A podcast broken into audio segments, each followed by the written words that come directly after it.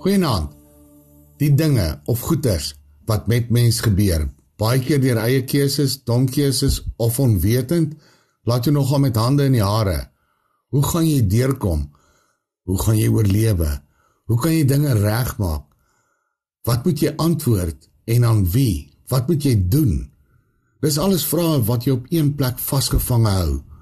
Dawid skryf dat die Here vir jou opregte sorg in Psalm 7.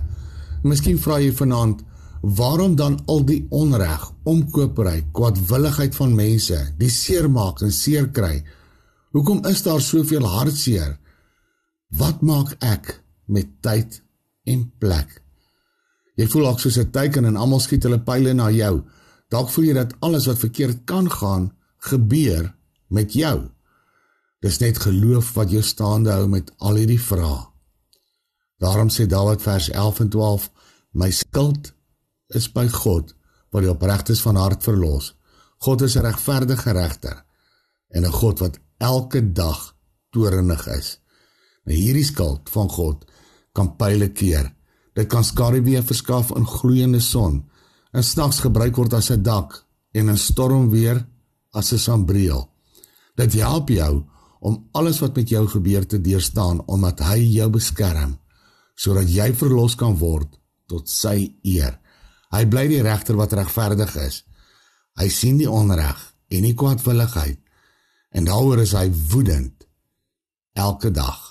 Die 83 vertaal die verse God wat die opregtes help is my beskermer. God is 'n betroubare regter, 'n God wat altyd die skuldiges straf. Dit klink amper soos die spreekwoord die wiel draai. Maar daarvan moet jy jou asseblief weerhou.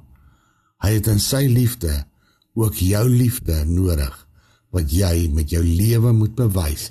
Mag jy eerder antwoord op al hierdie dinge wat met jou gebeur in jou lewe, die mooi en die lelik, die soet en die suur, die reg en die verkeerd, soos Psalm 7 eindig. Ek wil die Here loof na sy geregtigheid in die naam van die Here, die Allerhoogste, Psalm sing. Mag jou lewe 'n lofsang aan die Here jou God bly. Hy sal jou verlos op sy tyd vir jou bestem. Amen. Nag se Here. thank you